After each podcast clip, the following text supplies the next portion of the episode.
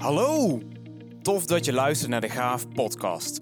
Mijn naam is Rudy van Beurden en in deze podcast interview ik collega's, sprekers en trainers op het snijvlak van de volgende drie thema's.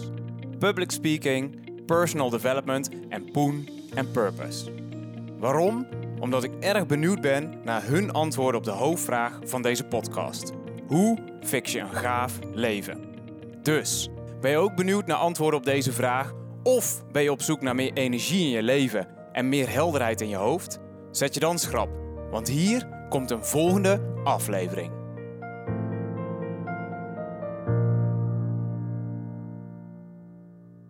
Hallo, hallo. Hey, hallo. Goedenavond. Goedenavond. Wat goed. ja, zullen we de camera even uitlaten om... eh, Helemaal goed. Cool, hoe is het? Ja, goed. Ik, ik, ik appte jou net. Ik heb namelijk op mijn neefje en nichtje gepast. En eh, dat is best wel, eh, daar word je best wel gaar van. Dus ik merkte, ik om zes uur dacht, nou, ik zou eigenlijk ook wel lekker in bed kunnen stappen. Dus ik dacht, als je eerder kan, super. Maar toen besefte ik, ja, je moet natuurlijk ook nog eten. Het is zes uur super vroeg. Dus ehm, Ja, ik was nog niet helemaal startklaar, anders had ik dat wel... eh, nee, Gedaan. snap ik, snap ik. Dus, eh, dus kinderen zijn heel leuk, maar ook vermoeiend. Hoe oud zijn ze? Oké. Eh, vier en acht. Ja, ja, het is echt superleuk. Dus eh, leuk. Leuk om elkaar weer te spreken, Rudy. Ja. We spreken elkaar weinig en nu wel twee keer per week. Ja, precies. Want een paar dagen geleden was ik te gast in jouw podcast. Ja, En dit keer ben jij te gast in mijn podcast. Super tof. ja, ja. Hoe gaat het? Want voor jou was het de aller, allereerste keer van de week. Hè? Ik was zo gezegd jouw eerste gast. Klopt. En? Hoe blik je Eh, terug? Ja, leuk. Eh, en ook wel een beetje spannend, maar ik vond het eh, heel erg leuk om te doen. En het Mhm. is maar meer. Ja, absoluut. Ja. Ja, en ik was ook echt helemaal vereerd. Want jij zei, ik wil mensen interviewen of met mensen in gesprek gaan die ik bewonder. Ja. Ja, en dat is ook wederzijds. Want ik vind jou een ontzettende, gezellige, stralende, opgeruimde vrouw. Eh, heel energiek en heel eh, bewust en present. En je hebt allerlei toffe dingen al gedaan. En je bent nu ook coach en trainer. Dus ja, gewoon eh, ook zeker een geschikte kandidaat natuurlijk voor de Gaaf podcast. Dus fijn dat je Leuk. mee wilt doen. Ja, En eh, ja, net als altijd heb ik eigenlijk een lijstje gemaakt met een paar steekwoorden. wa- Wat ik heel tof vind eh, om het met je over te hebben. Ehm, en nadat de podcast van jou voorbij was, eh, stelde je me de vraag van... Oh, durf je mensen alles te vragen? En eigenlijk mag ik daar wel wat scherper in worden, vind ik, van mezelf. Want ik denk altijd, ja, mensen kunnen mij eigenlijk altijd alles vragen. En of ik dan antwoord, is een tweede. Maar hoe sta jij daarin? Eh, je bedoelt of ik, men, of ik alles zou antwoorden? Of? Ja, of, of dat je het oké vindt om alle vragen gesteld te krijgen. Ja, dat weet ik. Dat ligt een beetje aan de vraag, denk ik. Dus we zullen zien. En anders kan ik achteraf altijd nog knippen. Mooi zo. Ja, misschien is het wel goed en ook voor mijn beeld eigenlijk. Want wij, jij zei het ook in jouw aflevering natuurlijk. Ehm, en mensen die kunnen die eh, straks ook zeker eh, gaan naluisteren of later. Ja. Ehm, ja, hoe wij elkaar hebben ontmoet. Eigenlijk via een training waar jij samen met een andere trainer voor de groep stond in Utrecht, jaren geleden. En toen was er eigenlijk wel een klik en toen is het contact gebleven. Maar ik weet eigenlijk helemaal niets van het leven van Merel voor die tijd. Dus ik weet dat je veel dingen met ontwikkelingssamenwerking hebt gedaan en Den Haag. En daarnaast ben je ook nog deels yoga-docenten. En ik weet dat je van de week heel erg schrok dat 1980 nu eigenlijk al 40 jaar geleden is. Want 2000 lijkt zo kort bij, maar ook dat is al 20 jaar geleden. Unbelievable. ja. Dus eh, zou je mij en de luisteraars een beetje mee willen nemen in eh, ja, het leven van Merel? Ja, wat leuk. Ehm, nou, ik ben dus inderdaad 40 jaar geleden geboren in Den Haag. Eh, en ik ben uiteindelijk naar Maastricht gegaan om daar eh, internationale bedrijfskunde te gaan studeren. Want ik had zoiets van, oh, internationaal is leuk. En ik had ook een jaartje in het buitenland gezeten. En ik merkte dat ik internationaal heel interessant vind, maar het onderdeel bedrijfskunde wat minder. Dat is ook een beetje een running gag geweest een tijdje. Want het, het klinkt heel raar als je denkt, je gaat bedrijfskunde studeren, dan ben je ervan bewust dat je iets gaat studeren over bedrijven. Ik had dat dus niet. Voor mij was het een hele abstracte term. En in mijn hoofd had ik het vertaald als de makkelijke variant van economie. Oké. Uh, dus in mijn derde zei ik tegen de vriendin, gek, bedrijfskunde gaat over bedrijven. ja, die kwam niet meer bij natuurlijk. No shit, Sherlock. ja, ik dacht gewoon een beetje, oh, dat is economie, maar dan wat makkelijker. En over gewoon het commerciële leven gaat het. Um, dus, dus ja, ik denk dat dat heel goed samenvat wat mijn um, involvement was in mijn studie. Het was vooral eigenlijk een studentenvereniging waar ik heel veel lol op gehad en heel veel tijd heb doorgebracht. En dat mm. was dus in Maastricht. Dus ik heb, ik, ik heb toen heel erg het zuiden ook leren waarderen. Hè. Daar wij het ook een paar keer over gehad. Ja. Meer relaxte leven. Nou ja, en daarna heb ik nog een tijdje in het buitenland gezeten in Marokko. En ik merkte gewoon dat, dat Afrika me ook heel erg trok. En toen heb ik een mooie baan gekregen waarin ik eigenlijk projectleider was uh, en verschillende Afrikaanse landen begeleide. Uh, in de samenwerking tussen de Nederlandse en dan de Afrikaanse uh, gemeente, om maar zo te zeggen. En samenwerking bevorderde. Ja, en dan specifiek op een bepaald uh, vakgebied? Of? Ja, dat waren eigenlijk zes vakgebieden en zes verschillende landen. Uh, dus dat was ook een beetje een pittige baan, kan ik wel zeggen. Dat ja. varieerde van het vergroten van de burgerparticipatie tot tot HIV-AIDS-programma's in Namibië bijvoorbeeld. Um, en dat was heel interessant en ik vond het heel leuk. Alleen, ehm, ik moest op zoveel vlakken tegelijk schakelen. Ik merkte dat dat uiteindelijk voor mij gewoon niet werkte. En ik wilde eigenlijk gewoon met mijn poot in de grond staan, heb ik toen beseft. En niet, um, ja, ik was eigenlijk meer een soort projectmanager die vooral de financiën en administratie regelde. En ja. uh, ik heb ook hele mooie landen mogen bezoeken, dus dat was fantastisch. Maar ik merkte gewoon van ja, ik wil daar zijn en daar helpen. En, en niet zorgen dat de papieren en de rapporten in orde zijn. Dus ja. dat, dat was een wijze les voor mij. En uh, nou ja, daarna ben ik meer het onderwijs eigenlijk ingerold. En toen merkte ik dat ik voor groepen staan heel leuk vond. Ja, en toen dacht ik op een gegeven moment, hé, hey, als ik die twee dingen nou gewoon samen plak en gewoon trainer kan worden in ontwikkelingssamenwerking, dan heb ik uh, alles bij elkaar. En dat heb ik een paar jaar gedaan. En dat was ja. fantastisch. Cool. Ja. Ook in, in Afrika voornamelijk. Ja, ja, Afrika, Afrikaanse landen, Aziatische landen, maar ook Oost-Europese landen. Eigenlijk gewoon iedereen die, uh, die met ons wilde samenwerken. Daar waren we heel makkelijk in. Ja. ja. Heel veel reizen dus ook. Uh, ja, op zich wel. Ik had collega's die echt twee, twee weken per maand op pad waren. Bij mij viel het wel mee, maar ik heb een aantal fantastische reizen kunnen maken. Met als hoogtepunt een reis naar uh, Kenia. Daar heb ik twee weken training mogen geven. En dat, ging eigenlijk, dat was een programma om gewoon uh, ja, eigenlijk de, de landen waar we werken, ontwikkelingslanden, meer self-sustainable te maken. En dat heet local fundraising. Dus wat we eigenlijk deden, is we leiden lokale trainers op tot local fundraisers, zodat zij de andere mensen ook weer zeg maar, konden opleiden hoe ze dat doen. En zodat ze niet meer een hand hoeven op te houden naar het westen, maar ook kunnen kijken, goh, kunnen we binnen ons eigen regio, binnen ons eigen land fondsen werven. Ja, ja. Dus in plaats van dat je naar het vissen geeft, uh, leren ze om te vissen. Precies, ja. En dat was fantastisch om daarbij betrokken te zijn. Dus daar kijk ik nog steeds met heel veel plezier op terug. Ja. Ja. En dat was dus voor overheden of voor non-profits? Of... Um, in dit geval waren het vooral NGO's die wij, uh, uh, zeg maar, die wij opleiden tot trainers. Zodat de NGO's eigenlijk meer geld konden krijgen bij de gegoede Afrikaanse burger, om maar zo te zeggen. Mm. Uh, maar ik heb ja, ook voor, voor Artsen zonder Grenzen, HIVOS, Cordate, noem het maar op, de EU, de Wereldbank. Um, ja, heel veel verschillende organisaties. Ja, ja. Dus eigenlijk eh, wel een beetje bedrijfskunde, maar vooral die ontwikkelingssamenwerking sprak heel erg aan. Oh ja, ja, ja goed dat je nog even over mijn studie begint. Wat ik uiteindelijk wel aan heb gehad, is dat ik heel goed heb leren uh, papers schrijven, presentaties geven. ja, dat, en, en uh, uh, dat op alles het antwoord is, it depends. Want in mijn studie bedrijfskunde was alles van, ja, het hangt er vanaf hoe je ernaar kijkt. Dus uh, je hebt ik heb op zich wel een brede blik daardoor gekregen. En ik merkte wel ook vanaf dat, dat ik ging werken, en eigenlijk ook al toen ik bij Maastricht, uh, in Maastricht bij een dispuut zat, dat ik heel erg merkte van hé, hey, ik was continu bezig wel met hoe werkt samenwerken? Wat werkt wel, wat werkt niet? Wat maakt iemand een goede voorzitter of een goede manager? Um, ik was alleen zo verbaasd als je studie bedrijfskunde hebt gedaan. Dan krijg je natuurlijk mee wat is hè, de perfecte manager, de perfecte situaties. Maar dan merk je in het, in het gewone leven dat dat helemaal niet altijd zo is. Dat een mm. manager niet altijd per se heel goed hoeft te zijn, maar gewoon door kan zijn gegroeid.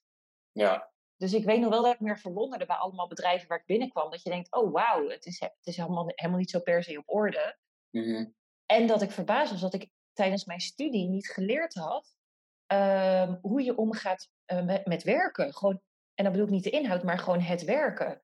Want Ja. dat, is, dat is ook al een vak apart, eh, heb ik toen geleerd toen ik begon. Ja, want je hebt het dus wel helemaal afgemaakt in Maastricht. Ja, ja, ja, ik heb het wel afgemaakt. eh, en uiteindelijk nu zit ik veel meer in eigenlijk de psychologiehoek. En dat vind ik ook veel interessanter.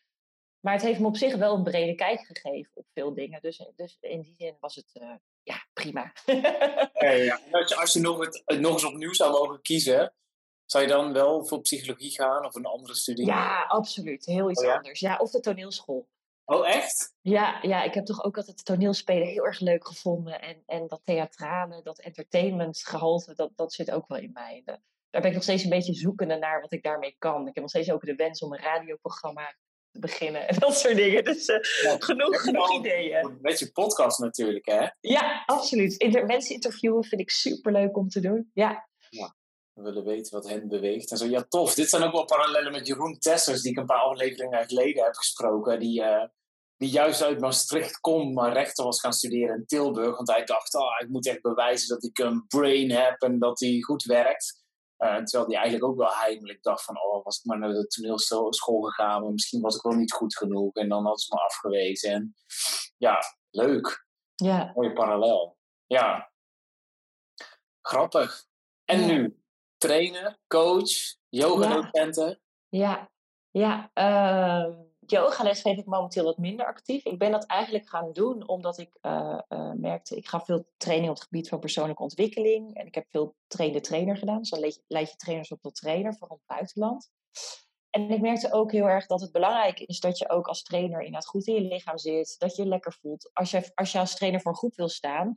Dus ook die trainers die ik opleidde. En ik merkte dat mensen heel gestrest waren. Dat ik dacht van ja, dan kan ik allemaal daar mentale oefeningen tegenaan gooien. Maar ook dat lichamelijke aspect is zo belangrijk. Hè? Hoe bewust ben je in je lichaam? Mhm. En dat merkte ik heel erg vooral toen ik in Afrika werkte, maar ook met Aziatische landen. Dat die mensen van nature veel meer in hun lichaam zitten dan veel Europeanen of veel Nederlanders. Mhm. En toen dacht ik van, hé, hey, zou het niet leuk zijn om ook een yogaopleiding daarnaast te doen? Zodat ik ook veel meer leer om met mijn stem mensen tot rust te brengen. Ja. Eh, en toen ben ik, ja, ik ben van nature vrij energiek. En toen ben ik een yin-yoga opleiding gaan doen. En dat betekent eigenlijk dat mensen drie tot vijf minuten in een bepaalde pose liggen of zitten. En dat je stem dus heel belangrijk is om die mensen in die ja, soort trance, in die rust te krijgen. Nou, dat vond ik fantastisch om te doen. Ik heb ook een tijdje les gegeven. En ja, ik wil dat ook heel graag weer meer gaan doen. Want ik merk dat dat me heel veel voldoening geeft. eh, om op dat niveau met mensen bezig zijn. En ik gebruik het dus ook in mijn trainingen. Ja. Dat ik meditatieoefeningen doe en dat soort dingen. Ja, ja, heerlijk. Supergoed. ja, ja. En heb je- heb je dingen geleerd? Heb je dingen ontdekt over je stem die je nu veel bewuster toepast? Of, eh, Nou, sowieso merkte ik, ik praat van nature vrij snel, maar als trainer doe ik dat helemaal niet. Dus dat heb ik vrij snel afgeleerd. Dus ik ga dan gewoon in een andere modus. Mijn stem wordt ook lager. Sowieso hoorde ik al wel van mensen dat ze me rustig vonden. Eh, maar ik denk dat ik er nu, ik kan er nu nog bewuster gebruik van maken. mhm. En het was gewoon heel leuk om op een hele andere manier ja, in je joggingbroek voor een groep te zitten. En iedereen ligt lekker met allemaal kussens om zich heen. Eh, ja, het heeft me zeg maar ook heel comfortabel gemaakt. Nu zeg ik ook wel eens tijdens de training van nou trek allemaal je schoenen maar uit en ga maar op de grond zitten. Dus Ja. ik vind het heel leuk om heel ander soort elementen eigenlijk in mijn trainingen te gebruiken. Dus het is, het is iets wat ik aan mijn rugzakje heb toegevoegd. En ja, vind ik Ja. echt superleuk. Ja, Want zie je dat zo, dat je een rugzakje hebt of een Ja. backpack waarin je dingen verzamelt?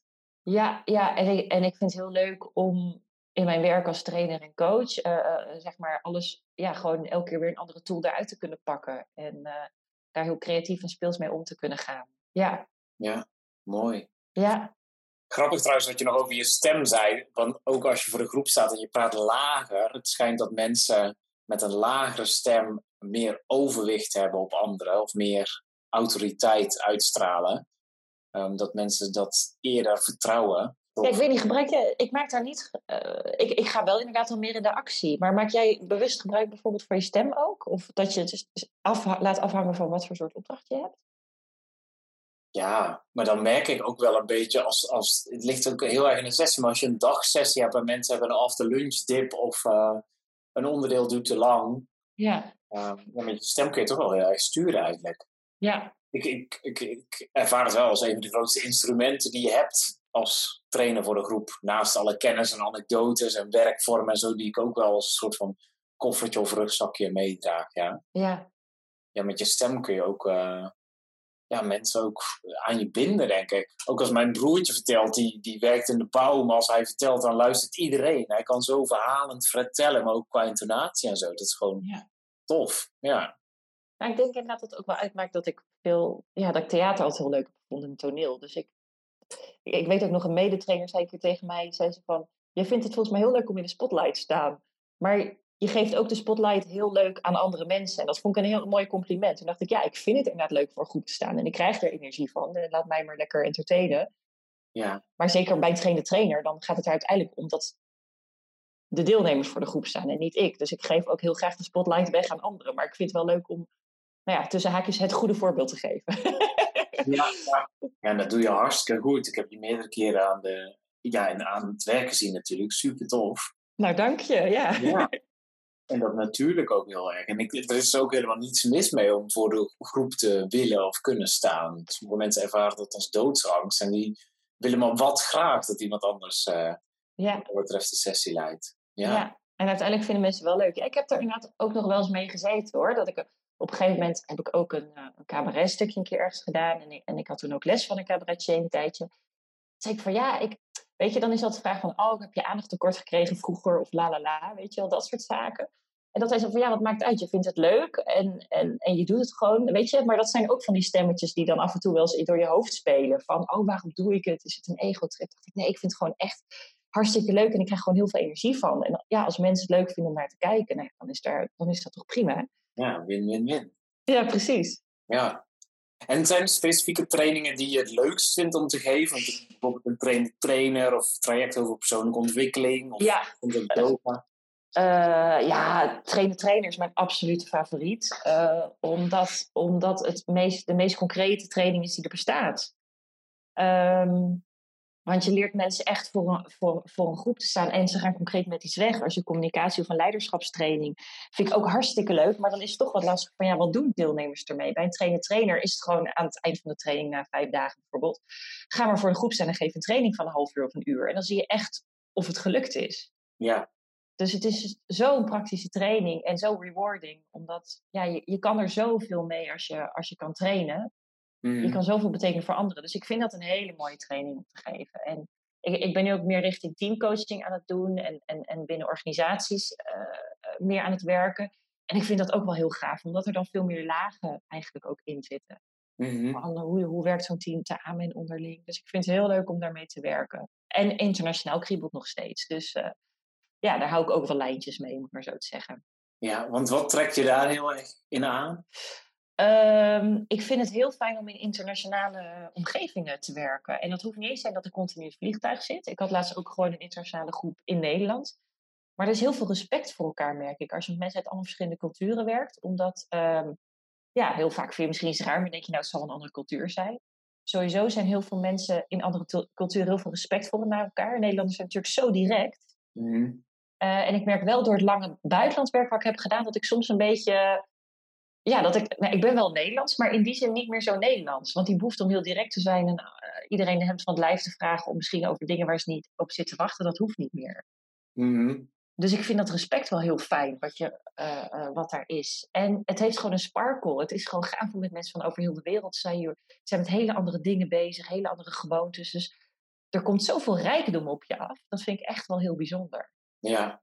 Ja. Ja. ja.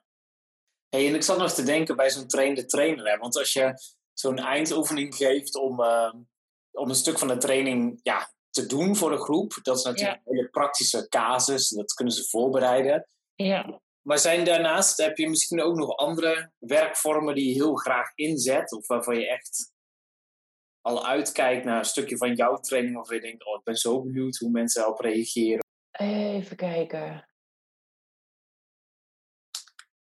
Nou, wat ik een tijdje heb gedaan, dat vond ik wel erg leuk, is dan moest je een training geven. En ik, ik heb ook als trainingsacteur een tijdje gewerkt. En dan ging ik de vervelende deelnemer uithangen. Mhm. En echt prikken bij hun. En eh, eh, dat is heel leuk om te zien wat er dan gebeurt. Dat vond ik een heel leuk onderdeel om te doen. Ook, eh, ja, dan verzamelde ik van iedereen wat, wat vind je moeilijk, eh, de challenging situations om mee om te gaan. Dus inderdaad met deelnemers. En dan gingen we dus, oké, een dominante deelnemer, passieve deelnemer. En dan, ja, dan, dan moet even degene die training geeft de gang op en dan gaan wij dat voorbereiden. Dus dat vind ik heel leuk om te doen. Uh, en ik vind het heel leuk als bijvoorbeeld uh, het stukje presentatievaardigheden, weet je, dus als iemand heel erg verlegen is, dan moet hij van mij leeuw gaan nadoen voor de groep en dan heel hysterisch gaan schreeuwen. Dus ja. zeg maar, als iemand dan iets heel lastig vindt, dan ga ik precies aan de andere kant van het extreem. Dus als iemand heel stil is, dan moet iemand voor mij heel druk en hard gaan praten. Als iemand heel snel praat, dan zeg ik, ga nou eens extreem langzaam praten. En dan komt iemand uiteindelijk uit in het midden. Ik had ook een jongen die was super bewegelijk. Dus die moest van mij zijn handen continu op zijn rug. Uh, volgens mij heb ik zelfs mijn touwtje op zijn rug gebonden. Oh. En uh, weet je wel, dat zijn hele leuke oefeningen. Dus eigenlijk waar dat speelse element uh, heel erg aanwezig is. En dan weet je, ja, misschien ook wel dat theatrale af en toe. Dat werkt gewoon. En da daar leren deelnemers ook van. Niet door te vertellen, maar door het gewoon natuurlijk te ervaren. Ja, goed, dat hoef ik jou niet te vertellen. Ja. Leuk. En krijg je dat dan meteen voor elkaar? Of gaan sommigen ja. echt met Misschien omdat ik zelf ook redelijk. Uh, ik vind het helemaal niet erg om zelf voor, voor paal te staan voor een groep. Dus ik, ik sta dan ook. Dan moet iemand brullen en dan sta ik gewoon naast keihard te brullen. Dan staan we samen te brullen als een leeuw. En dan denkt hij: oh, oké, het is niet zo raar. Of dan ga ik aan iemands voeten zitten als ik voel dat iemand niet gegrond is. Weet je, dan sta ik op mijn hurken. Zit ik met mijn handen zo op iemands voeten.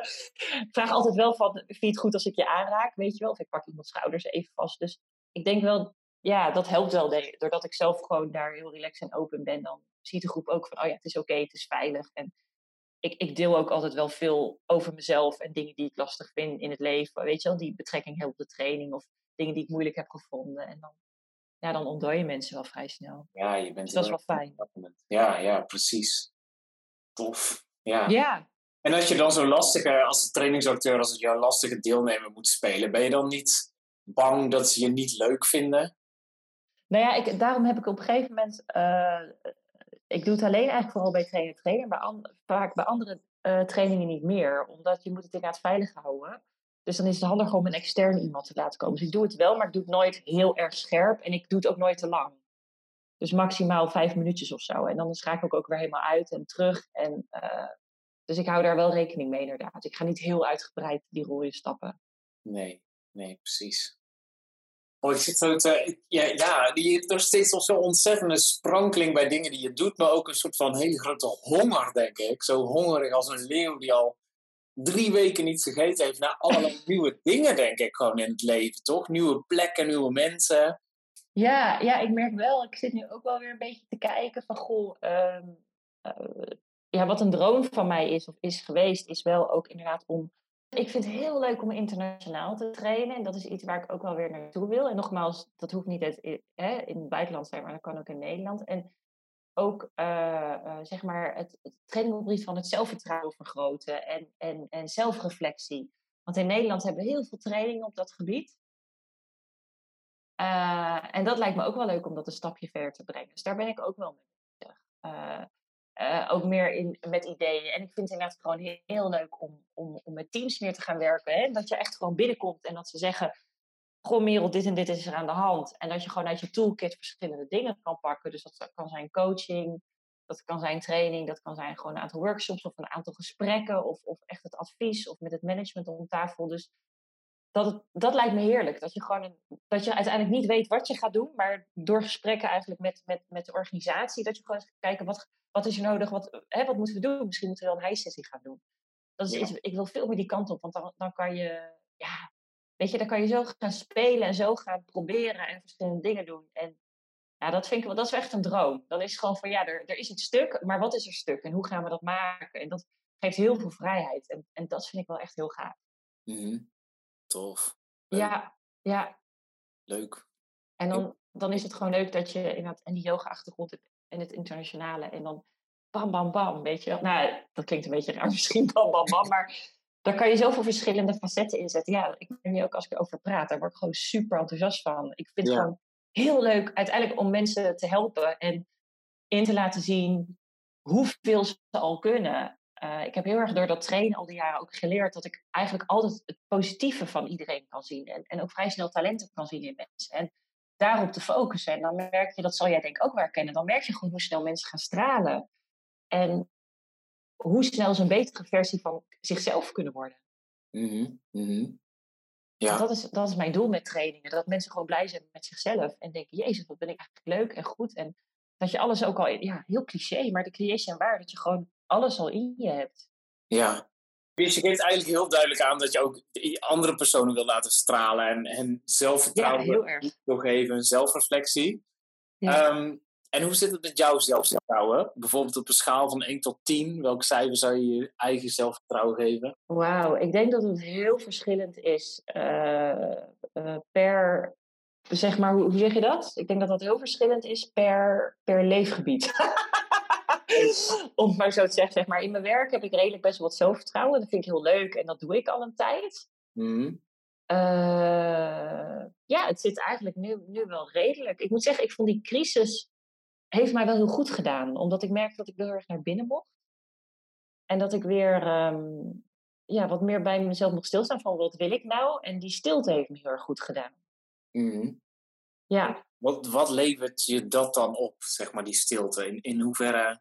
Uh, bij, weer terug bij mezelf komen. Want ik merkte wel uh, dat ik uh, een tijdje al mijn werk heel erg leuk vond. Maar dat ik wel dacht van, hé, hey, ik wil wat meer en ik wil andere dingen. Um, en dat ik te weinig de stilte opzocht. Van, oh, wat wil ik nou echt? Want ik, ik weet, mijn hart is, is of, of mijn zijn, die wil het liefst volgens mij de hele wereld erover reizen en allemaal verschillende dingen doen. Mm -hmm. uh, en ik merk dat ik ook, ook wel toe ben aan, het, uh, hoe zeg je dat? Wat meer toe ben aan rust. Mm -hmm. Dus ik ben een beetje die balans aan het vinden. Hoe kan ik toch vanuit rust eigenlijk uh, die dingen gaan doen die ik wil eigenlijk, hè, die we net besproken ook hebben. Dus ik ben heel erg op zoek nog meer naar die innerlijke rust eigenlijk. En om echt te kijken of je vanuit je hart kan leven. Ik merk toch ook nog dat ik best wel vaak vanuit mijn hoofd dingen doe en leef. En dat merk ik ook weer door die crisis. Dat uiteindelijk ja, le leeft het mij niet zoveel op. Maar het is best wel een spannende stap. Hè? Ze zeggen wel het is de kleinste stap, maar ook de grootste stap die er is. Van je hoofd naar je hart. En ik, mhm. ja, ik zie nu mondiaal dat dat gebeurt en dat dat ook nodig is. Ik weet niet, hè, hoe, ik weet niet of jij dat ook ziet, maar je ziet best wel goed of mensen vanuit hun hart of hun hoofd leven en dingen doen. Uh, ja, en ik merk als ik train, is, vind ik dat veel makkelijker om dingen vanuit mijn hart te doen. lukt ook natuurlijk niet altijd, je hebt betere en mindere dagen. Maar ik probeer dat nu privé ook veel meer te doen. Echt vanuit je hart dingen wel en niet te doen. En ja, dat is, daar moet je soms dus ook spannende keuzes maken. En dat vind ik soms wel spannend. Ja. Want wat is een spannende keuze bijvoorbeeld? Uh, nou, ik woon nu in Den Haag. Wil ik in Den Haag blijven wonen? Of wil ik toch eens ergens anders naartoe? Uh, inderdaad, hoe ga ik met mijn werken? Ik ben nu freelancer. Nou, we hebben nu de tijd gehad. Ja, toch de eerste weken vooral viel toch wel veel weg. Van, goh, hoe ga ik dat weer oppakken? Uh, meer financiële zekerheid eigenlijk voor mezelf creëren. Ja, dat soort, dat soort dingen. Ja. Ja. Ja, want ik wilde ook de vraag stellen van, ik, ik begrijp heel goed wat je zegt van, van hoofd naar hart. En ik heb bijna de vraag van, kan dat wel in Nederland? Of in nou, dat is een heel, nou ja, het is heel mooi dat je dat zegt. Ik heb ook altijd als ik in Afrika kom, Um, ik, ik, was, ik heb dus toen, toen ik, uh, ja, wat was 7, 28, heb ik een paar keer daarheen mogen gaan voor mijn eerste baan. dat was fantastisch en bijzonder. En achteraf ben ik zo dankbaar dat je zo, nou ja, weet je, die kans krijgt als je net begint met werken. En ik ben er toen een aantal jaar niet geweest. En uh, ik kwam toen, nou ja, een jaar, vier, vijf geleden in Oeganda. En ik landde. En het, ik ben je wel eens in Afrika geweest? Ja, in Zuid-Afrika en in Botswana. Had je ook dat als je aankwam, het voelt meteen anders? Je landt, je stapt uit, naar buiten, de geuren, de... Of, heb jij ook dat het, het is gewoon anders? Alsof de zwaartekracht daar meer niet trekt of zo? Nou, dat weet ik zo niet. Ik, ik heb wel altijd heel, heel lang een vriend van mij, die is zomaar Afrika-fanaat. En die gaat echt elk jaar, die is daar al tien, twaalf keer geweest. En hij vroeg me een keer op keer mee. En ik dacht echt, oh, ik moet ouder zijn voordat ik daar naartoe ga. Ah. Ja, hij altijd, wat een onzin, wat een onzin. Uiteindelijk zijn we in 2016 geweest, dat is nu vier jaar geleden. Dus ik was ook 28 toen ik daar voor de eerste keer naartoe ging. Um, en wij landen allereerst in Johannesburg. Nou, dat is wel ontzettend uh, ja, dus, dus het meest ontwikkeld zo'n beetje. Ja. Maar als je dan echt gaat rijden en dat land in, ja, het is uh, zoveel rauwer. Daarmee vergeleken ja. is Nederland een soort van botanische tuin die uh, niet. ja, mooi dat je dat zegt. Een klein aangeharkt tuintje. Ja, nou ja, dat, precies dat. En ik vind het heel mooi dat je dat zegt, van kan dat in Nederland? Ik vraag het me soms ook wel af of ik het kan. Want ik kwam dus inderdaad in Afrika aan en het was letterlijk alsof er gewoon 100 kilo van mijn schouders viel. Weet je, perfectionisme, controle, dat zijn meteen facetten die, die, die vallen gewoon weg, want die heb je daar niet. je weet gewoon niet wat er gebeurt. Je weet niet of er file is, of er gat in de weg zit. Um, weet je, je, weet niet als je een trainingsruimte geboekt hebt gekregen, of je daar ook echt training mag gaan geven, of dat ze de dag daarna alles hebben weggehaald. En ze zeggen, ja sorry, er is een belangrijkere groep. Weet je, ik heb daar de gekste dingen meegemaakt. Uh, ja. En, ja, ze zeggen dat je 12 deelnemers hebt en opeens zitten er 22 deelnemers. Ja. En dat vond ik, het heeft mij heel erg geleerd om, om, om flexibel te zijn. Want je weet gewoon niet wat er gaat komen. En dat geeft mij zo'n rust dat je totaal geen controle hebt. En ik, nou ja, ik, ik kwam maar aan en mijn schouders zakten. En ik moest gewoon zo hard huilen. Ik dacht, oh, ja, eigenlijk een soort van ik ben weer thuis. Dus ik, oh, stiekem denk ik ook dat ik Afrikaan ben geweest in het vorig leven. Oh ja? ja, echt waar. Ik voel me daar heel erg thuis. Het is inderdaad heel veel gezelligheid. Weet je, ook als je daar training geeft, dan zit ze echt te vechten van... Hè, je kent wel energizers in training. Hè? Dus als je moe bent, dan is het van, nou, dan ga je een rondje rennen met elkaar of een grappige oefening doen. Nou, daar was het echt uh, discussiëren van, ja, nee, nu wil ik een liedje zingen voor de groep. Nu wil ik een dansje doen met de groep, weet je wel. En in Nederland zitten ze van, nou ja, uh, hoe gaan we dat doen? Dus er zijn mensen toch veel terughoudender in Nederland. En ja, daar, weet je, we gingen dansen, we gingen zingen, klappen. En uh, kan je nog wel een keer een leuk filmpje sturen. Dus dat is zo... Ja, en inderdaad die geen controle hebben. Ja, ik gedij heel goed in Afrika. Ja, ja dat, dat, dat, dat, dat, ja, absoluut. Nee, ik, ik, wil daar ook één keer in de zoveel tijd heel graag heen. Want het is ook wat jij zegt, het is zo rauw, het is zo echt. En ja, dat is heel bijzonder. Um, ja, ja, heel bijzonder. Ja. Ja, mooi. Ja. En ja, je, je hintte er net ook al een beetje op. Je zei, als je zo'n groep, dat voel je ook wel aan in hoeverre je met ze, met ze kan gaan. En, en jij bent ook gewoon heel ontwapenend en je hebt ontzettend veel ja, technieken, maar ook uh, methodes om, om echt je te binden aan zo'n groep. Maar waar we het ook al kort over hadden in, in de aflevering van jouw podcast, is dat jij ja, toch wel dingen sneller aanvoelt dan andere mensen. Of dat nou hoogsensitief heet, of ik weet niet welke je er zelf bij hebt. Ja. Hoe, is, is dat iets um, waar je veel bij stilstaat, of wat een ontdekking voor je is geweest, wat dingen duidelijker maakt? Hè?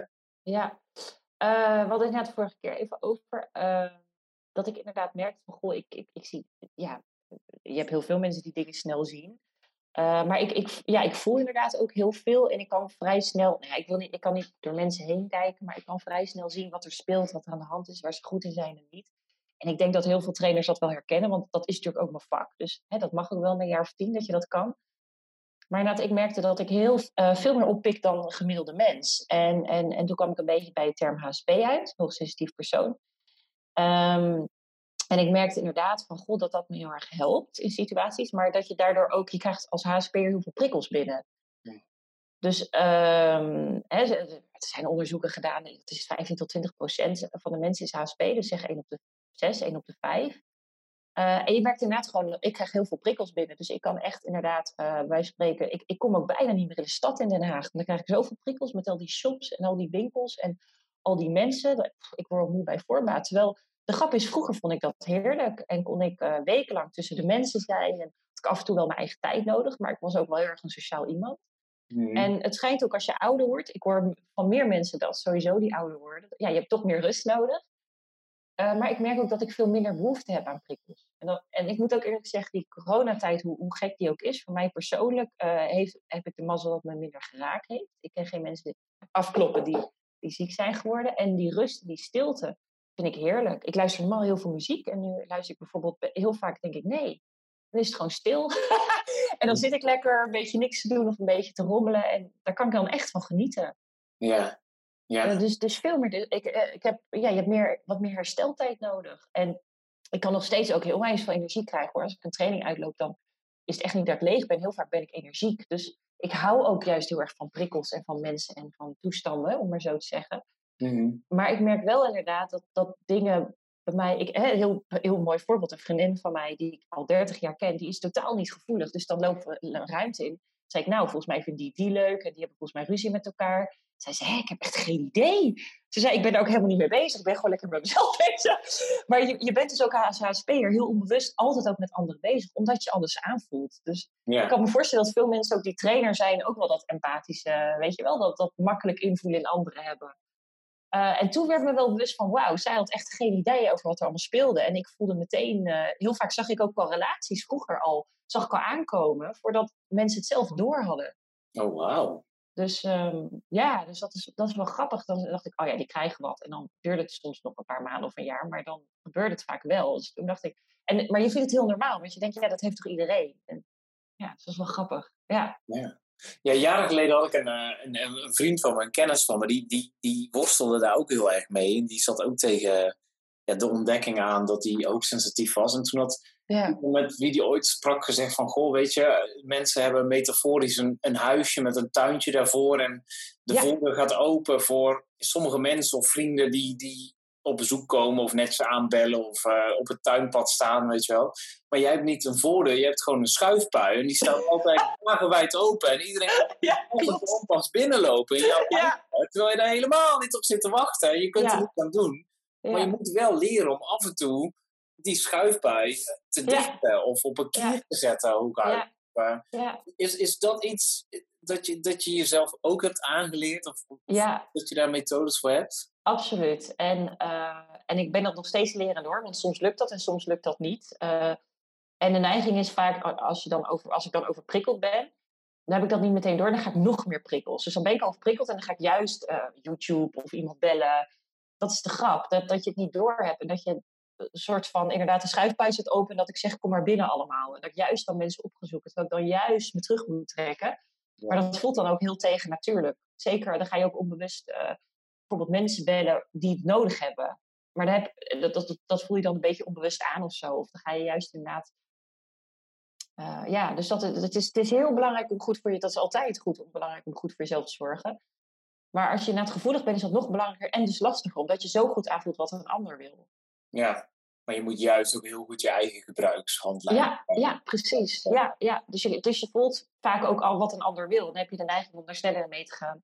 Maar het is net zo belangrijk om gewoon goed op je eigen voet te staan. En zeggen, oh, dit is wat ik wil. Hè? Dus het is, gaat allemaal over grenzen aangeven. En dat kan wat lastiger zijn uh, als, als HSP'er. Nogmaals, iedereen is anders. Ja. Uh, maar ja, ja. Want de consequentie is dan als je over je grens heen gaat, dat je gewoon echt dood op bent of zo. Ja, dat je moe bent en dat je te open staat en, en dat je gewoon echt is het belangrijk de rust. En dan blijft ook alles doorgaan. Hè? Dus dan, wij van spreken, dan kom je thuis van een feestje of van met vrienden en dan blijft het maar door je hoofd, dan zie, je, dan zie je die dingen maar door je hoofd gaan. Ja. En dan ben je wel thuis, maar voor je gevoel zit je dan nog in de kroeg of ben je nog op dat feest. En je hebt gewoon iets meer, hoe zeg je dat?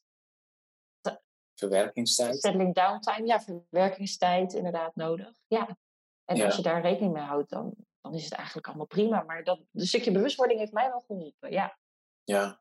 En is het ook zo dat, dat eten of drinken er invloed op kan helpen hebben? Ja, ja grappig, grappig dat je dat zegt. Ja, dat wist ik ook niet. Maar in mijn geval merk ik wel, ik eet ook bijvoorbeeld minder suiker.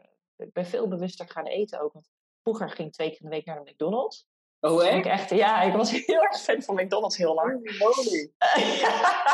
Dat was echt het laatste. Had ik echt bij Lotto Weekend Millionaire zou zitten. En dit was vraag nummer 8 geweest. En de vraag was: Merel Kuiper gaat of twee keer per week naar McDonald's. Of rijdt paard. of uh, spaart steekpaarsjes. Nou, ik had echt die laatste ja. gedaan. Niet de McDonald's. Ja, nee, er werden ook altijd allemaal grappen over gemaakt. Maar ik woonde ook schijn tegenover toen ik studeerde. Ja, en nog steeds. Het is voor mij een feestje. Ik heb het altijd geassocieerd met vakantie. Hè. Je hebt bij Hazelsdonk, of uh, volgens mij, hoe heet dat? Bij de grensovergang. Dus vroeger altijd als ik met school, ik ging best wel, ik had heel erg mazzel met mijn school, ik ging heel erg op vakantie. En dan stopte daar altijd. Dus voor mij was McDonald's ook altijd een soort van vakantievoorpret. Ja. En ja, nog steeds gewoon een Big Mac menu groot met dubbel frietsaus. Ja, dat is gewoon een winnaar. Ik moet eerlijk zeggen, nu beseffen we wel, als je één boer in de laat, dan heb je alweer honger. Maar die sfeer die er hangt, ja, ik heb het altijd, ik heb altijd heel fijn gevonden. Ik moet eerlijk zeggen, ik eet het nu echt bijna nooit meer. Maar ja, het heeft iets. Er hangt voor mij gewoon een hele positieve sfeer omheen. Maar goed, in ieder geval, daar kwam ik vandaan. En ik was een enorme carnivore. Ik had 200, 300 gram vlees per dag. En dan bouwde ik er wat, uh, weet ik veel, salade omheen. En ik ben op een gegeven moment wel steeds bewuster geweest. Een vriendin van mij, we hebben toen een hele mooie tocht door de Himalaya gemaakt. En het scheen onderweg niet zo handig te zijn om vlees te eten. Dus toen heb ik ook uh, besloten van, nou, ik doe dat even niet. Ik kreeg echt afkikverschijnselen. Heel veel behoefte aan vet, aan boter en eieren en uh, en, en kaas en gesmolten kaas. En, maar ik, weet, ik wist ook nooit wat over koolhydraten en al die dingen. Dus ik, ik, ja, daar ben ik me inderdaad afgelopen jaar ook meer in gaan verdiepen. En ik merk dat dat ook heel veel invloed heeft. Zeker merk ik nu, als je gevoelig bent, als ik gewoon heel veel suiker eet, dan ja, ben ik gewoon drukker. Dus, dus ik, uh, ja, dus ik, zit, ik ben bijna vegetariër, bijna suikerarm. Dus ik zit helemaal aan de andere kant van waar ik vroeger zat. Ja. Maar dat doet je wel heel goed dus. Het doet me wel heel goed. Soms denk ik wel van jeetje, weet je wel, als je dan inderdaad zo'n decafé latte macchiato bestelt, dan denk je, ja, ik ben er nu ook zo een. Maar het helpt gewoon mijn gezondheid. Dan denk ik, ja, dan, dan, dan weet je, vroeger had ik me genoemd, oh, zo'n moeilijke tut, weet je wel, als je moeilijk doet, denk ik, ja, dat ben ik dan nu ook. Maar ja. het helpt me gewoon, dus zo so be it. En ja, tegenwoordig zijn veel meer mensen daar natuurlijk bewust van. Ja, precies. Oh, ik heb daar ook echt wel oren aan. Ik vind dat echt moeilijk om te veranderen, joh. Ik denk ook wel dat ik dan... Uh, ja, meer energie zou hebben. Ik heb ook wel van zo'n grillig energiebalanspatroon. Oké, ja. Dat en ze zeggen ook wel dat als nu suiker geïntroduceerd zou worden op de voedsel- en warenmarkt, dat het gewoon aangemerkt zou worden als een gif. Weet je, het zou niet eens op de voedingsmarkt mogen komen. Ja. Echt heftig. Ja, dat is het eigenlijk ook wel op Alleen de een heeft natuurlijk veel meer last van dan de ander. Als ja. je gewoon heel sterk, stabiel bent in alles wat je doet, dan maakt het misschien niet uit wat je eet. Maar ik merk het echt als ik gewoon geen suiker eet, of wel, of, of vegetarisch of veganistisch. Ik, ben, ik heb ook een aantal van die retreats gedaan, van die boeddhistische retreats in Duitsland. En dan had ik dus inderdaad een week veganistisch en alles eromheen, daar word je natuurlijk heel rustig van. Maar ik merkte ook echt dat dat eten gewoon uh, ja, mij heel goed deed. Hè? Dat, ik vind het wel mooi, die ontwikkelingen die je overal ziet. Hoe, ja, ik ben ook steeds bewuster van eten. Ik merk nu gewoon letterlijk. ik had vissticks gekocht vorige week. Maar echt ook twintig jaar. Dat ik dacht, oh, ik ga weer eten. Ik werd er gewoon een beetje verdrietig van toen ik die dingen in de pan gooide. Dat ik dacht, ja, ik wil gewoon inderdaad groen en vers en kleuren. En uh, ik heb nu een, een, in deze coronatijd een favoriet. Ik eet heel veel burritos met allemaal verse groentes en dan lekker zo opvouwen. Ja. Ik kan het elke dag eten. Ik word er zo onwijs blij van. lekker. Ja. Ik heb moeite mee. Elke drie dagen achter elkaar hetzelfde. Dat maakt me echt niet uit. Nee. Maar, maar inderdaad, die vissticks heb ik toch maar in de prullenbak gegooid. Dat ik dacht, oh ja, ja, nee, ik word er ook gewoon niet meer blij van. Die verpakking en hoe het eruit ziet. En die shit die erin zit. Ja. Echt mee. Echt mee. Ja. Het is echt een hele interessante en ook leuk om verder in te duiken. En eigenlijk misschien juist wel in deze tijd, als we daar meer tijd voor hebben. Ik heb ook eens gehoord dat hoe bewuster je bent, hoe meer en nauwer in je contactje staat met je spijsvertering. Dus dat was volgens mij of een haptonoom of iemand die dus ook uh, aan de stand van je lichaam, aan je organen kan zien um, hoe je spijsvertering gaat. En ja. flexie deed die man van allerlei dingen. Maar hij zei, mensen met het syndroom van Down bijvoorbeeld, die hebben een veel lager bewustzijn. En die kunnen bijna alles eten. Gewoon zand, kiezelstenen, echt van alles stoppen ze in hun mond. Uh, en dat wordt gewoon afgevoerd door dat lijf en niks aan de hand. Ze, ze, zijn blij, liefdevol, open. Terwijl mensen die ja, bewust zijn, al dan niet hoogbewust, die reageren veel heftiger op een, een dieetverschil uh, eigenlijk, of een, een, ja. veranderend patroon. Dat is me echt altijd bijgebleven, dat ik dacht, oh, dat moet ik echt eens een keer in duiken. Want volgens mij ja, is dat ook gewoon zo. Al ja. koffie, gewoon heftige stoffen. Ja. En sowieso toch, ik bedoel, dat zal je ook wel kennen. Als je 25 bent, dan kan je inderdaad in de kroeg staan. En ik had dan altijd wel kater, maar goed, de dag daarna gaat het allemaal wel weer. Dat je ook steeds meer last krijgt van dingen. En dingen, weet je wel. Dus ik denk, vroeger maakte het ook niet uit dat ik al die Big Smacks eten. Want je bent in je twenties. En ja. ja, in die jaren ben je ook gewoon sterk. En je kan veel hebben. En, en weet je, ja, dat is toch het lullige van ouder worden. Dat je ook gewoon, wat, dat het nog belangrijker wordt. En dat je ook wat minder kan hebben. Ik denk dat dat ook absoluut meespeelt. Ja, ja. En, uh, wat ik zeggen, oh ja, maar ik had inderdaad laatst suikervrij dropjes gegeten. Nou, mijn, mijn buik was de hele dag aan het borrelen. Want in plaats van suiker stoppen ze dan allemaal andere dingen in. Oh, die niet zo heel gezond zijn. En uh, dus, dus ja. ja ik, ik denk wel hoe bewust je ook bent, hoe meer je voelt in je lijf, hoe meer je het ook bent. Ik denk ook dat heel veel mensen zich gewoon niet mee bezighouden. En misschien ook niet het verschil weten, weet je wel. Als ze een week heel gezond zouden eten, hoe anders ze zich dan zouden voelen. Nee, precies, precies. Maar ik kan het aanraden. Ja, hele goeie, tof. Ja. Ja. Hey, en uh, op de middellange termijn, de komende maanden, wat ben je nog allemaal van plan? Ga je je neefjes nog vaker uitnodigen om bij elke week langs te komen? Of toch maar ja, ik vind dat wel heel gezellig. Mijn neefje en nicht, ja, ik uh, ben gek op zijn, we wonen in dezelfde stad, dus dat is altijd heel gezellig. Mm -hmm. uh, en ook nog een keertje logeren of zo. Dat slapen met z'n drie in het grote bed. Dus dat, dat oh, vind ik natuurlijk ook wel heel leuk en spannend. Ja. Um, en, en, verder, ja, ik, ik ga langzaam wat meer online trainingen doen. Dus dat vind ik wel heel erg leuk. En mm -hmm.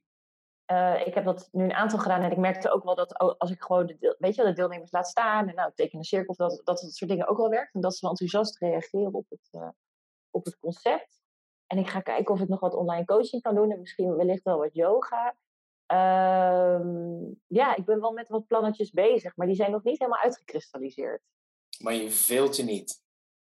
Ehm, nee, soms wel een beetje. Maar dat schijnt ook heel goed te zijn, hè, eigenlijk. Ja, dus, ja. eh, Precies. ik ben, en dat zal je misschien wel herkennen. Ik ben onwijs aan het opruimen. Ik, eh, Oh, ik weet niet of je dat boekje kent van Dennis Storm. Min- minimalisme. Nee, ken ik niet. Maar volgens mij ben jij sowieso wel minimalist, of niet? Nou, nee. Ik, Oh. kan ik bewaar echt heel veel. En ik heb Ah, ochtendmappen vol met papier van weet ik veel allemaal. En dan moet ik net iets hebben. Gisteren bijvoorbeeld ook voor de Belastingdienst. Dan heb ik altijd super last minute. Ik moest mijn BTW-aangifte nog doen. En dat was gisteren de laatste dag. Ehm, en dan moet ik net één brief hebben. En juist die kan ik dan weer niet vinden, omdat ik gewoon te veel heb. Maar ja, iets in mij droomt wel van veel minder. Ik ben ooit backpacker geweest. Dat heb ik ook wel eens een keer in een andere aflevering gezegd. En dan heb je alles wat je hebt hangt aan je schouders. En Ja. that's it. En je hebt gewoon veel minder keuzeopties. En dat geeft Ja. zo'n belachelijke mate van rust. Ja, Ja, dat is... nee, maar precies, nou ja, precies wat jij zegt. Ik, ik, ik, heb inderdaad een aantal jaar geleden ben ik een paar maanden gaan backpacken. En ik had er nog veel te veel bij me. Maar ik- misschien, ik kan, wat ik wel kan aanraden, is een boekje eh, van Dennis Storm. Mhm. Hij heeft bij de BNNVARA heel lang als presentator gewerkt. Hij heeft een boekje over minimalisme. En eh, dat is misschien als je zegt, ik, wil, ik kan een zitje gebruiken, dan kan ik dat boekje heel erg aanraden. Eh, en ik ben inderdaad ook toen heel veel gaan opruimen. En, en nou ja, niet zoals hij, hij leeft gewoon alsof hij reist. Hij heeft volgens mij ook vier truien en twee broeken of zo. Dat is dan, vind ik dan wel een beetje enthousiast. Maar hij zegt ook, en dat klopt wel, alles wat je hebt neemt plaats in, in je hoofd. Ja, Eh, en, ik, en ik ben nu inderdaad allemaal dingen aan het weggooien en het opruimen. Weet je, ik hoef niet al mijn studieboeken van een studie. Nou, we hebben net over gehad die ik niet super interessant vond. dus ik dacht, ja, en dan denk je, oh, maar is ooit nog handig? Nou ja, nee. Dus van de Oh. twintig heb ik er gewoon nu nog drie. ja. En eh, ja, en, en het geeft zoveel ruimte ook in je hoofd. Het, het maakt letterlijk lichter. Ja. Dus daar is deze tijd wel ook heel mooi voor. Ook heel veel kleren weg. En uh, ja. Hoppatee. En degene die je hebt netjes opvouwen, zoals Marie Kondo, de ja, precies. opruimkundige, heel goed. Ja, tof. Ja. ja. Hey, ik weet dat jouw podcast nog in de edit zit. Ja. Maar weet je onder welke noemer we die eh, binnenkort kunnen gaan vinden? Uh, um, of nog niet? Dat laat ik weten nog. Nee, nog dat is niet. goed. Dan uh, plak ik het er gewoon later bij. Ja. In de tekst. Ja. Hey, als mensen benieuwd zijn naar je, waar uh, kunnen ze je vinden of contact met je opnemen? Uh, nou ja, sowieso via LinkedIn. Mm. Merel Kuiper. Uh, en ik ben al een tijdje bezig met mijn website. Uh, en die ben ik nog aan het afmaken. Dus, dus die staat nog niet online. Nee, precies. En Merel Kuiper is zonder J. Dus K... Ja, K-U-I-P. Ja. Ja. That's it. Ja, tof. Ja. Hey, hartstikke leuk, Merel. Dank je wel voor jouw tijd. Ja, jij ook bedankt. Erg leuk om met je in gesprek ja. te zijn. En alle succes met je edit. En als ik je ergens mee kan helpen, moet je zeker bellen of appen. Dan, uh, ga ik kijken wat ik voor je kan doen. Oké, okay. dankjewel Rudy. Hoi, hoi. Fijn weekend. Doei. Hey jij daar. Zit je met een vraag of heb je een suggestie voor hoe deze podcast nog gaver kan worden? Of misschien ken je wel iemand die ik echt, echt, echt moet interviewen? Stuur me dan een mailtje via podcast.gaaf.eu. Maar inderdaad, als je een setting creëert natuurlijk, waar mensen wel open zijn, dat is wel heel erg leuk. Ja, zeker. Ja, ik heb daar geen, ik denk, het, het is geen goed of fout. Dat moet ook net zo voelen. Want je kan natuurlijk ook, als je te ver gaat, kan je natuurlijk ook opeens een verwijdering uh, hebben. Ja, en iedereen heeft zijn oh, eigen... ik heb een leuk voorbeeld. Weet je nog die training met, uh, um, Arnold? met Arnold die ik deed in 2013? Nou, hij had altijd zo'n... hij had altijd zo'n uh, moment dat je van tevoren even je handen vasthoudt. Van, we gaan er wat moois van maken. En dat deed me ook, maar ik liet toen een scheetje. Dus, en ik durfde dat niet te zeggen. Dus ik dacht, oh, ik liep snel daarachter. En voor hem had hij toen zoiets van... Ze stapt, ze stapt uit het moment. Dus het was toen heel raar, weet ik nog, uh, die ochtend. Ik weet niet, dat hadden jullie waarschijnlijk allemaal niet door. Maar ik liet gewoon, maar ik durfde dat niet zeggen. En ik had ook niet door dat hij het raar vond. Maar hij was echt een beetje, huh? En daarna, hij had ook echt uh, die ochtend zoiets van, ja, wat raar dat Merel deed. Hij was even uit zijn hum, zeg maar. Voor hem was het echt een belangrijk moment. Dus dat, waarom zeg ik dit eigenlijk? ja. dat was de vraag. Maar